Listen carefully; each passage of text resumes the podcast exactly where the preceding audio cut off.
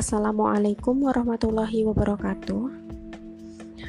14 abad yang lalu Allah subhanahu wa ta'ala menurunkan Al-Quran kepada manusia yang mulia.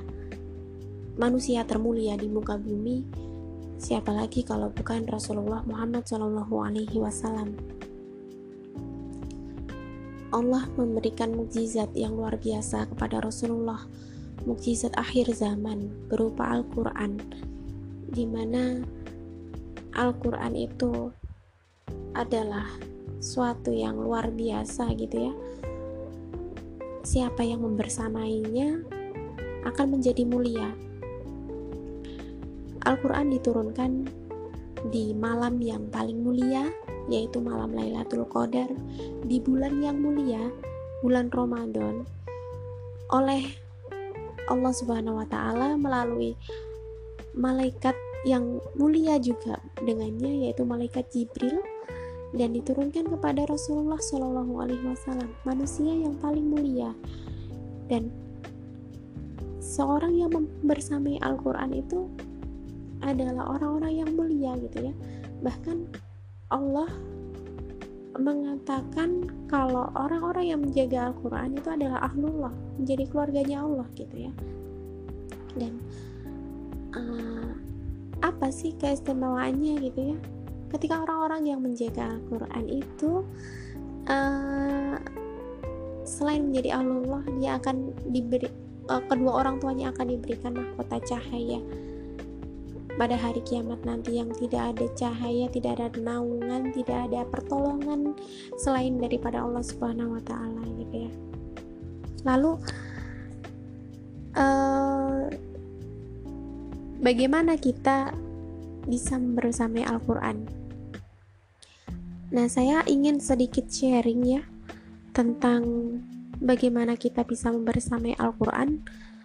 Sharing ini saya dapatkan ketika saya mengikuti sebuah kajian online yaitu di Hufaz Online, sebuah program tahfidz online yang saya ikuti yaitu tahfidz surah Al-Mulk dan di mana di program itu setiap minggunya akan ada taujih atau kajian-kajian yang akan membooster kita, memberikan semangat kita untuk uh, senantiasa membersami Al-Qur'an gitu ya.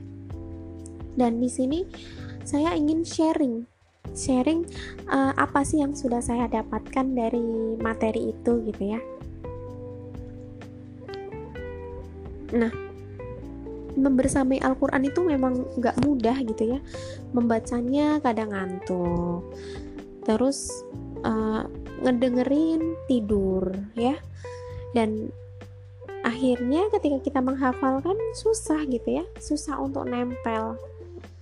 Nah lalu bagaimana caranya agar kita uh, bisa menjaga kebersamaan kita dengan Al-Quran menjaga agar nafas kita, nyawa kita lebih panjang lagi untuk membersamai Al-Quran. Bagaimana caranya?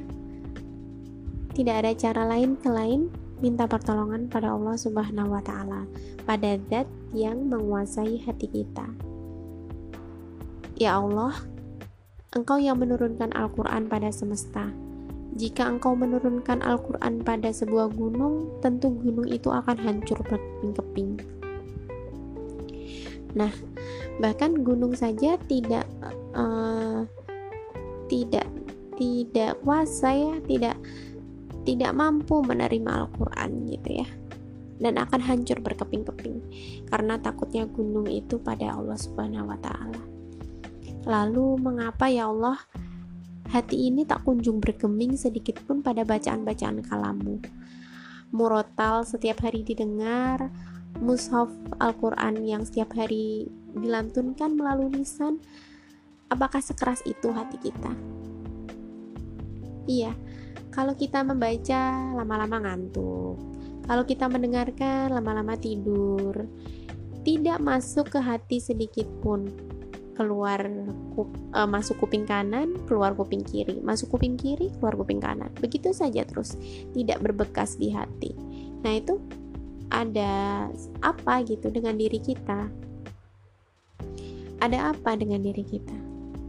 ya Al-Quran adalah nur adalah Buddha Al-Quran adalah cahaya adalah petunjuk jadi kalau cahaya dan petunjuk itu tidak mampu masuk ke hati kita maka hati kita itu kenapa gitu ya Nah, tidak lain dan tidak bukan adalah karena dosa dan kemaksiatan yang selalu kita lakukan gitu. Ketika kita melakukan suatu kemaksiatan, melakukan suatu dosa, maka akan timbullah titik hitam di dalam hati kita gitu ya. Itu dalam uh, sebuah hadis, saya lupa redaksinya seperti apa. Jadi kalau kita melakukan suatu dosa, maka akan ada titik hitam. Titik hitam, titik hitam, titik hitam gitu ya. Terus menerus selama kita melakukan suatu kemaksiatan gitu. Dan ketika cahaya Al-Quran itu tidak mampu menembus hati kita, maka sudah seberapa banyak maksiat yang kita lakukan gitu ya. Maka uh, di sini mari kita banyak istighfar lah ya, gitu.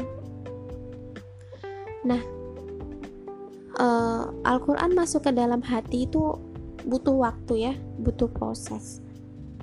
Bila belum merasakan efeknya, mungkin ada dosa gitu ya, memang ada dosa yang menghalangi atau menjadi hijab antara rahmat Allah dalam Al-Quran dan hati kita dengan diri kita gitu ya. Sehingga bacaan Al-Quran uh, murotal itu belum membekas dalam hati kita seperti itu. Lalu bagaimana caranya supaya hati ini bisa merasakan efek dari bacaan Al-Quran gitu ya? Yang pertama yaitu terus dibaca, jangan berhenti. Dibaca terus. Dibaca sampai kamu lelah, sampai kita lelah. Baca, jangan berhenti. Minta sama Allah supaya diberikan kelembutan hati. Sebab Al-Quran itu mujizat dan akan memberikan efek yang luar biasa ketika uh, ketika Al-Quran mampu menembus dinding hati kita gitu ya di dalam Al-Quran sendiri disebutkan bahwa Al-Quran itu adalah obat deh. Obat bagi penyakit hati kita penyakit fisik maupun non fisik gitu ya. Karena Al-Quran ya dari Allah subhanahu wa ta'ala. Allah menghimpun petunjuknya dalam Al-Quran. Begitu. Kemudian yang kedua sibukkan pikir dengan Al-Quran. Nah ini uh, related ya sama yang pertama tadi yang harus terus dibaca dan jangan berhenti. Sibuk zikir dengan Al-Quran karena sebaik-baiknya zikir itu adalah dengan membaca Al-Quran gitu. Membacanya kemudian memaknainya uh, mencoba untuk memasukkan bacaan Al-Quran itu ke dalam hati kita minta pada Allah untuk melembutkan hati kita gitu ya Kemudian yang ketiga adalah memahami dan merenungi setiap ayat Al-Quran yang dibaca. Jadi, nggak hanya dibaca ya, tapi harus direnungkan, dimaknai. Kan sekarang banyak tuh ya Al-Quran terjemahan, dibaca terjemahannya. Kalau memang ada tafsirnya, dibaca tafsirnya. Gitu. Jadi kita membaca itu tidak hanya dengan lisan, tapi juga dengan menghadirkan hati kita gitu ya.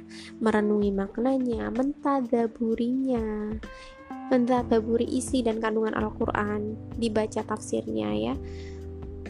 Buat hati kita itu baper dengan Al-Qurannya. Jadi uh, coba deh ketika teman-teman semuanya sedih merasakan galau sedih uh, takut atau merasakan emosi-emosi yang kadang itu bisa mendistrak diri kita gitu ya. Coba buka Al-Quran uh, tadaburi satu ayat aja. Minta sama Allah minta petunjuk sama Allah supaya hati hati kita dilembutkan. Semoga kita dimudahkan untuk menerima uh, apa ya menerima petunjuknya dan kita diberikan kelapangan hati gitu ya sehingga emosi kita perlahan-lahan mereda dan kita bisa uh, apa namanya menjadikan Al-Quran itu memang sebagai obat atau syifa untuk hati kita begitu. Saya mau share sedikit pengalaman ya. Waktu itu saya uh, pagi-pagi ya galau gitu ya. Dan saya berdoa ya Allah jadikanlah saya seorang yang pandai bersyukur. Sedikit sedikit nikmatmu uh, jadikan hamba rasa syukur yang sangat mendalam gitu ya. Saya minta dijadikan untuk menjadi seorang hamba yang pandai bersyukur. Dan saya coba random membuka Al-Quran dan terbukalah suat, sebuah surah ya saya lupa surah apa. Cuman di dalamnya uh, disebutkan bahwa Allah itu sudah memberikan kita uh, banyak hal ya. Sudah memberikan kita uh, apa yang kita minta gitu. Oh iya ketemu. Surah Ibrahim ayat 34 yang artinya dan dia telah memberikan kepadamu segala apa yang kamu mohonkan padanya. Dan jika kamu menghitung nikmat Allah niscaya kamu tidak akan mampu menghitungnya. Sungguh manusia itu sangat zolim dan mengingkari ya. Ya Allah rasanya tuh kayak bener-bener ditampar ya. Bener-bener kayak ditampar saya merasa salah dengan doa saya. Uh, kan tadi saya berdoa ya Allah saya minta untuk dijadikan seorang yang bersyukur pada nikmatmu meskipun kecil gitu ya. Tetapi Allah langsung menunjukkan di sini dan dia memberikan kepadamu segala apa yang kamu mohonkan gitu. Dan jika kamu menghitung nikmat Allah niscaya kamu tidak akan mampu menghitungnya. Bener-bener saya di situ seakan-akan kayak ya Allah saya uh, bukan seorang yang pandai bersyukur gitu ya. Saya masih mempunyai tangan yang lengkap masih bisa bernafas jantung saya masih bisa berdetak langkah kaki saya masih sempurna masih bisa makan, masih bisa minum, masih mempunyai orang tua yang lengkap, masih mempunyai saudara-saudara yang care teman-teman, mempunyai pekerjaan. Ya Allah, itu sebuah nikmat yang luar biasa gitu. Tetapi kita jarang sekali uh, mensyukuri hal-hal yang seperti itu gitu ya. Padahal Allah sendiri yang menerangkan ketika kamu menghitung nikmat Allah pasti kamu gak akan bisa. Mulai dari sel kita aja deh. Sel itu dibagi menjadi apa? ada mitokondria, sitoplasma. Bagaimana bekerjanya? Bukankah itu adalah hal yang patut kita syukuri gitu ya. Belum ketika mata berkedip dan lain sebagainya. Jadi uh, subhanallah ya. Subhanallah sekali Allah memberikan uh, segala sesuatunya untuk kita. Memberikan Al-Quran menjadikan Al-Quran itu sebagai petunjuk memberikan Al-Quran itu sebagai obat bagi diri kita gitu ya. Jadi jangan lelah untuk membersamai Al-Quran uh, tetap bersamai walaupun walaupun hanya satu atau dua ayat yang dapat kamu hafalkan tapi mintalah kemudahan pada Allah agar bisa mengamalkan dari setiap ayat yang kamu hafal itu gitu ya uh, cukup sekian dulu Wassalamualaikum warahmatullahi wabarakatuh.